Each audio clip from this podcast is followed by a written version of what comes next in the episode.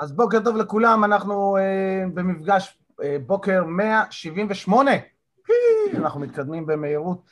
כשאני מקליט את זה לבלוג, אנשים אומרים לי, תקשיב, זה נראה לי שזה יותר מדי פרקים לפודקאסט שלך, אנשים יראו את זה וייבהלו. זה שיבהלו? שלא יקשיבו, כאילו, אני לא עושה את זה. אני עושה את זה בשבילי, בשביל הכיף. אני במקרה מקליט ומעלה, אבל כאילו, אוקיי. אז אנחנו עוסקים בנושא של שליטה, שליטה מחשבתית או קוגניטיבית, בתוך הנושא הזה הכנסנו להטיות קוגניטיביות. הטיות קוגניטיביות זה קיצורי דרך מחשבתיים לא רצוניים של הלא מודע שלנו. קיצורי דרך שיוצרים לנו לרוב הסקת מסקנות מהירה ובעייתית, טעויות בשיפוט ופגיעה בחשיבה הרציונלית הגיונית שלנו, ואנחנו היום נעסוק בהטיה אחת ההטיות הגדולות, המדהימות, המופלאות, שיוצרות לנו את רוב הבעיות. וזו הטיית האישוש, או הטיית האישור. הטיית האישוש אומרת, הנטייה לעבד מידע דרך חיפוש והתמקדות או פרשנות חד צדדית של מידע בצורה עקבית עם אמונה קיימת. כלומר, אנחנו מתעלמים ממידע שסותר את מה שאנחנו מאמינים בו ומתמקדים מוצאים וזוכרים את המידע שמחזק את מה שאנחנו מאמינים בו. אם היה לי ריב עם אשתי ואני אה, אה, אה, נניח חושב שאני צודק, אני אזכור רק את הדברים שמוכיחים את צדקתי. אני, אה, אם אני אקרא את הוואטסאפים או אקשיב להקלטות, אני אשמע ואני אשים לב ואני אקלוט רק את המלל, המילים שמחזקים את צדקתי ומראים שהיא טועה. מי מכיר את זה? יפה. עכשיו, למה זה חשוב להיות ערים לדבר הזה? אה, כי, כי הרבה פעמים זה יוצר לנו לא מעט בעיות, okay? אוקיי? במקום ללכת לפתרונות, במקום למצוא איזשהו שיתוף פעולה, במקום למצוא ביחדנס, אנחנו הולכים להכנעה, אנחנו הולכים לריב, אנחנו הולכים לניצחון. אז, אבל בואו תגידו לי, אם ניצחתם והכנעתם את בן בת הזוג שלכם, האם יהיה לכם כיף להיכנס עם בן אדם מוכנע למיטה אחר כך? אוקיי? אורית אומרת, כן, כן, בטח, יהיה לי כיף להיכנס איתו למיטה, בטח, מה, זה גם יעשה לך את החיים, כאילו, אם בזוגיות הזאתי.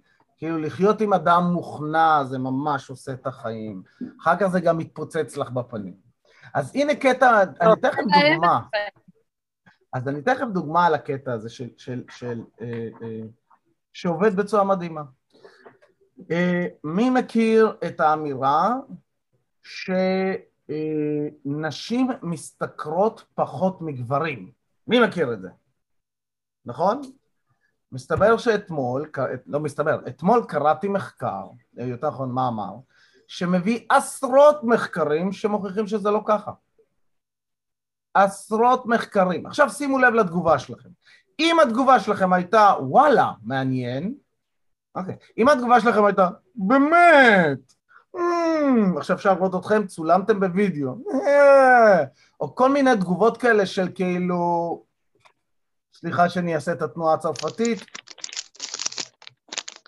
התגובה האוטומטית שלכם היא תגובה שמעידה על כך שיש לכם איזשהו פחד או חשש מלהיות טועים. אבל זה לא רק לכם, כן? גם לי, מישהו יביא לי את ה... וכל מה שנקרא דיונים פוליטיים, דיונים... להיות, אה, להיות מה? להיות טועים, טועה, לטעות.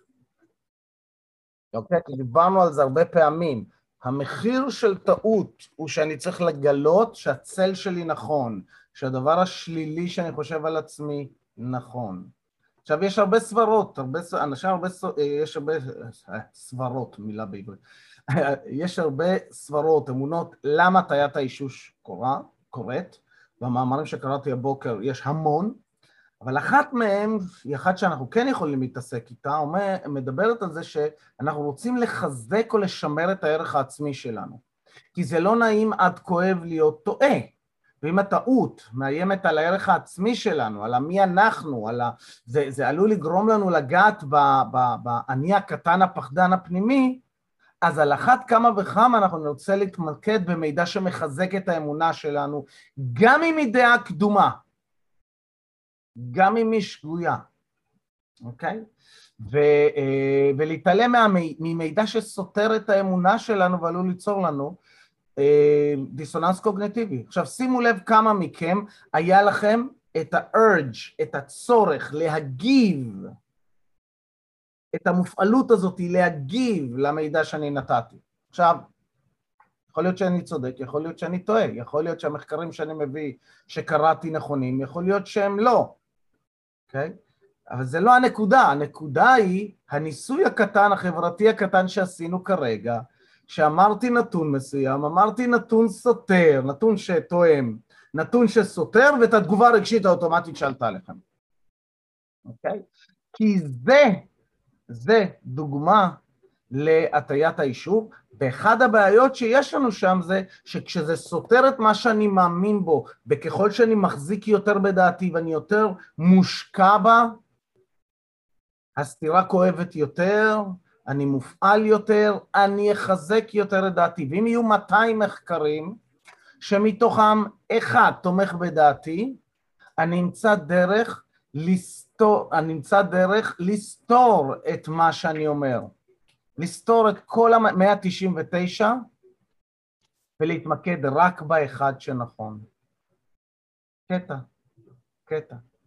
שימו לב, ככל שאתם יותר מופעלים, גם אני, אוקיי, אני ער לזה. כשאני כותב בפורום מסוים, יש מלא פורומים, פייסבוקים, שמתי לב שכל עוד היה לי את הצל, את, ה, את המופעלות של אני לא רוצה לצאת פראייר, כל עוד זה הפעיל אותי, כשאנשים היו כותבים בנושאים מסוימים שבהם הייתי מופעל, הייתי מיד מגיב, הייתי מיד, ואם היו אומרים לי, תשמע, אולי אתה טועה, אולי, הייתי אומר, לא נכון, הייתה לי תגובה מאוד מאוד נחרצת בפנים, ומאוד מאוד לוחמני, ומאוד מאוד מוכיח, ומאוד מאוד נלחם, ומאוד מאוד רץ, ומאוד מאוד עושה ועושה ועושה, ולא מוותר.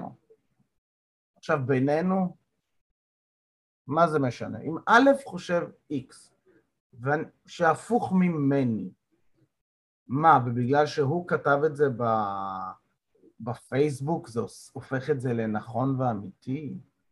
הרי במילא האלגוריתם של פייסבוק יביא לי אנשים ודעות שדומות לדעות שלי, כי האלגוריתם של פייסבוק מחפש לגרום לי להישאר בתוך פייסבוק, ולכן הוא ימצא רק דברים ויציף דברים שדומים לכיווני החשיבה שלי, ולא סותרים את כיווני החשיבה שלי, כי זה ייצור לי דיסוננס ואני אעזוב את הפייסבוק. כלומר, בואו, מציאות אלטרנטיבית. אז לכן, אנחנו רוצים להיות מאוד ערים לזה, בעיקר, בעיקר, בהרבה מקומות, כאילו, רק שתבינו עד כמה confirmation bias הזה משפיע על חיינו. אה, רופאים לדוגמה, שיש להם איזשהו האנץ', איזשהו אה, זה קטע למה ג'ודי לא משחררת, נכון ג'ודי? את רואה כמה את מופעלת? את שמה לב, רק תהיה רע לזה, תהיה רע לזה, זה הכל, זה הכל. כן? אז רק תהיה רע לזה. כמות הכתיבה שלך היום והתגובות הכתובות שלך היום יחסית לתמיד, רק תהיה רע! יחסית לתמיד היא, היא, היא, היא, היא פרופורציונלית שונה. הנה עובדה, נכון?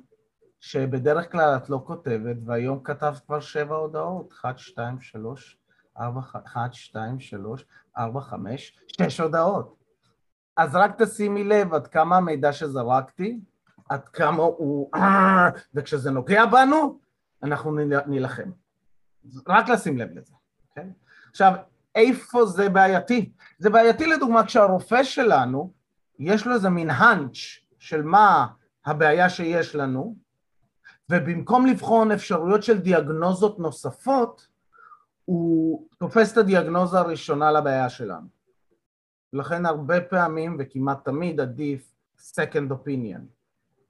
כמעט תמיד עדיף second opinion, אוקיי? Okay. עכשיו, אני לא הולך להיכנס לזה נכון או זה נכון, העובדה הזאת או העובדה הזאת, אני רוצה להסתכל על הכל במבט על, להסתכל על עצם העובדה שיש לנו הטיית אישוש, שכשהעובדות שמוצגות בינינו לא תואמות את מה שאנחנו מאמינים בו, אנחנו נחפש עובדות אחרות, שמוצגות בפנינו, אה, אה, אנחנו תמיד, אה, הרבה פעמים בגלל הטיית האישור, אנחנו נתלבש על העובדה הראשונה או ההוכחה הראשונה שמחזקת את האמונה שלנו ולא נחפש עוד מחקרים, זו תופעה קיימת, חוקרים אותה מפה עד הודעה חדשה, אתם לא מבינים את כמויות המחקרים שנתקלתי בהם. אז איך מתמודדים עם זה? איך מתמודדים עם זה? שזה, שזה מה שמעניין אותי, ויותר מזה, אם אנחנו מסתכלים, כאילו הבוקר התחלתי להסתכל על זה, אמרתי וואלה, אני אעשה שני מפגשים בנושא הזה, כי, כי זה חשוב, כי יש לזה משמעות. הרי הקבוצה, המטרות של מפגשי הבוקר האלה, של, שלי לכל אופן, בכל אופן, זה נושאים של השראה, של uh, חיבור אנושי ומיקוד, נכון? כל הנושא של ההתפתחות האישית שלי, זה מה שמעניין אותי. אתם נפלאים ואיזה כיף לי שאתם כאן, אבל אני באתי להתפתח. מה לעשות? זה, זה, זה מה שמעניין אותי, אף אחד לא משלם לי על זה שאני פותח לכם את המפגשי בוקר. אז מה כן?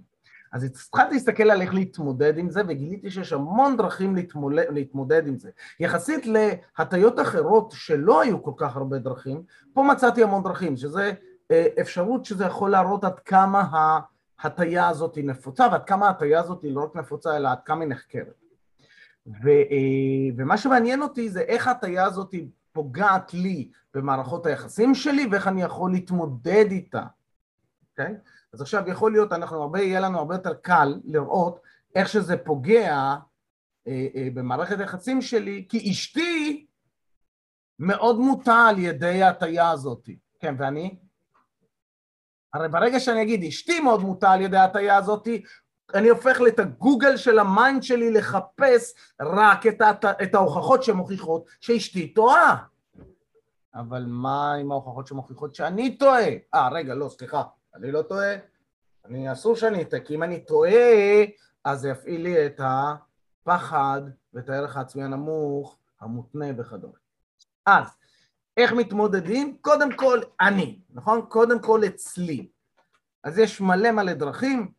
אה, הדבר הראשון, הדבר הראשון זה לצאת מנקודת הנחה שאנחנו פועלים כרגע תחת ההטייה הזאת ולהכיר אותה, נכון? היה לנו דוגמה יפהפייה שלי ושל ג'ודי, יכלתי להיכנס איתה לוויכוח, שהוא גם הוא בנפשי, הוויכוח המגדרי, אה, כן נשים, כן גברים, יכלתי. אבל היות ופה אני עסוק בלדבר על ההטייה עצמה, אז אני יוצא מנקודת הנחה שגם אני, ובעיקר אני, פועל תחת, כרגע תחת ההטייה הזאת ולהכיר אותה, הטיית האישוש. קודם כל, אולי אני מחפש עכשיו אישורים למה שאני מכיר, אולי אני מחפש עכשיו אישורים למה שאני חושב שזה נכון, אולי אני פועל תחת ההטייה הזאת כרגע, אוקיי? וכשאני פותח את זה, אני עכשיו מתחיל להסתכל מרמה שנייה על האירוע, מתחיל להסתכל מלמעלה, מבחוץ, ממטה פוזיציה, אוקיי? אז זה אחד. שתיים, שזה צריך קצת יותר עבודה, זה לשחרר את הפחד מטעות, לשחרר את הצל שלנו, ולחזק את הערך העצמי הבלתי מותנה. לרובנו יש ערך עצמי מותנה. ערך עצמי מותנה הוא אם X קורה, אני שווה, אם X לא קורה, אני לא שווה. זה ערך עצמי מותנה. ערך עצמי, כמו שדיברתי על זה באחד המפגשים, ואני בטח אדבר על זה פעם באחד המפגשים, ערך עצמי זה מה אני מרגיש שאני שווה בעיני עצמי, והערך העצמי שלי קבוע וגבוה, גם אם אני שוכח את זה לפעמים, אוקיי? Okay? ושני האקסיומות ששמתי עכשיו על, הש... על, השולחן, פעם דיברתי על זה אני חושב, ו... ובהזדמנות אחרת אני אוכיח את זה לוגית, אוקיי? Okay? אבל ערך עצמי, תחשבו כרגע על שערך עצמי שלנו, העצמי בעיני עצמנו, הבלתי מותנה, הוא קבוע וגבוה. לא משנה מה קורה לנו, אי אפשר לשנות אותו. גם אם לרגע אנחנו שוכחים ולא מרגישים אותו, בסדר? כרגע תשאירו את זה כאקסיומה, תן לזה הוכחה לוגית באיזו הזדמנות שנעשה אה, בוקר על נושא של ערך עצמי. אה, הדבר השני בערך עצמי, אחרי שסגרנו את זה לוגית, אנחנו גם צריכים להתאמן על אהבה עצמית לעצמנו, כי אז אנחנו נרגיש את האהבה העצמית הזאת, ואז זה לא משנה אם מישהו יחרבן עלינו, אנחנו עדיין נרגיש שאנחנו שווים. אבל אם קורה משהו בחוץ ואנחנו חווים שהשווי שלנו ירד, בעיני עצמנו, שימו לב, כלומר השווי בעיני עצמנו יחסי, אז הערך העצמי שלנו מותנה, ואז אנחנו חייבים לשמור עליו מכל משמר, ואז נילחם עם כל אחד שעלול לגעת או להגיד משהו, שעלול להוציא אותי טועה, ואז אני לא בסדר, ואז הערך העצמי שלי נפגע. זה ערך עצמי מותנה. ברור? מגניב? אני, אני מציע לכם להקשיב למה שאמרתי עכשיו, לפחות עוד שלוש, ארבע, חמש פעמים. doctor prescription, אוקיי? עכשיו, אה, אפשרות נוספת, אוקיי? התמקדות במציאת פתרונות משותפים במקום להוכיח שאנחנו צודקים.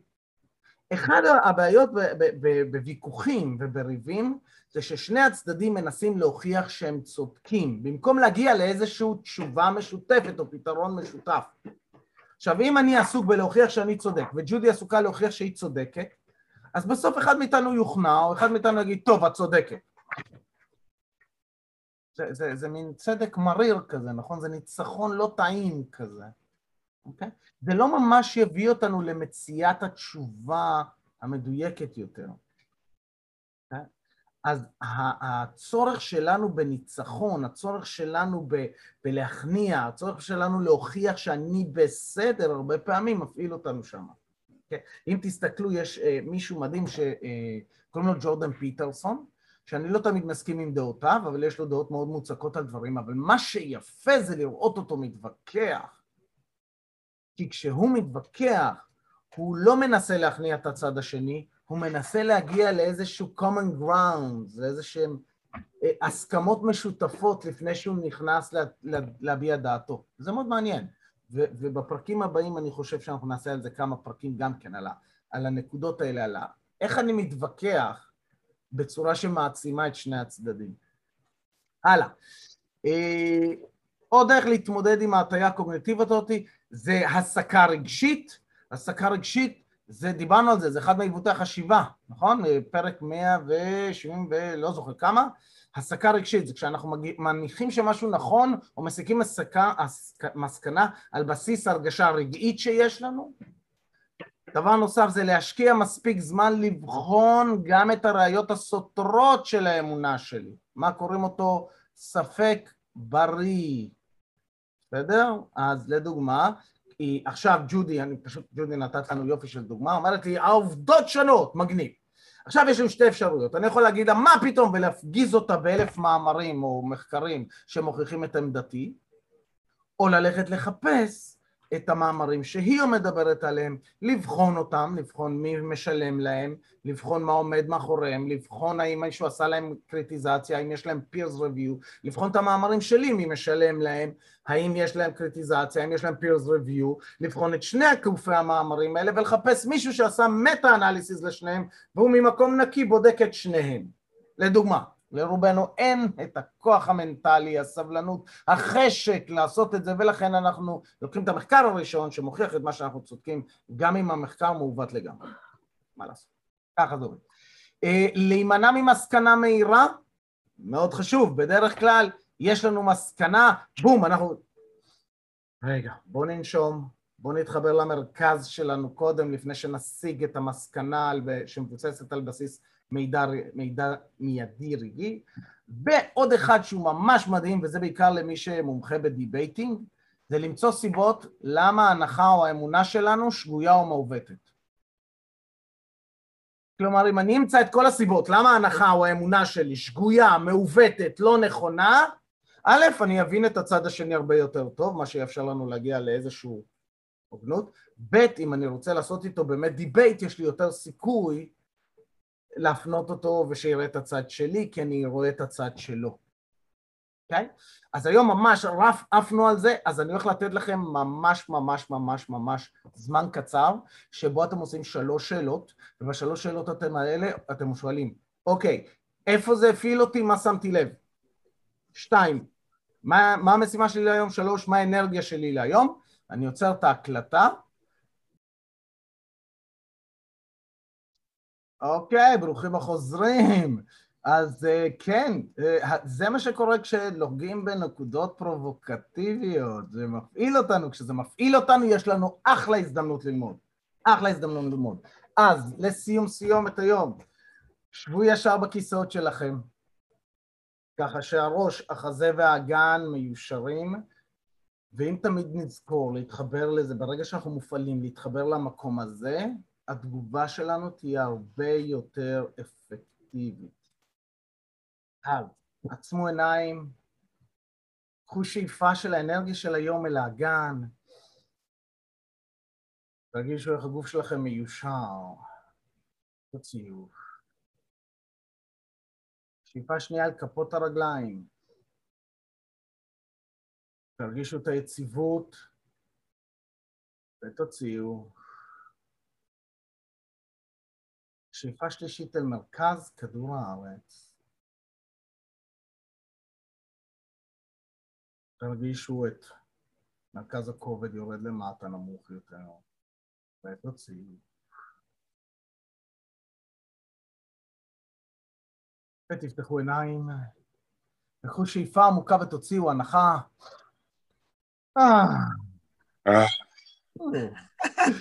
ושיהיה לנו שבוע מקסים, אנחנו ניפגש מחר בבוקר ונמשיך לעבוד עם הטיית האישוש.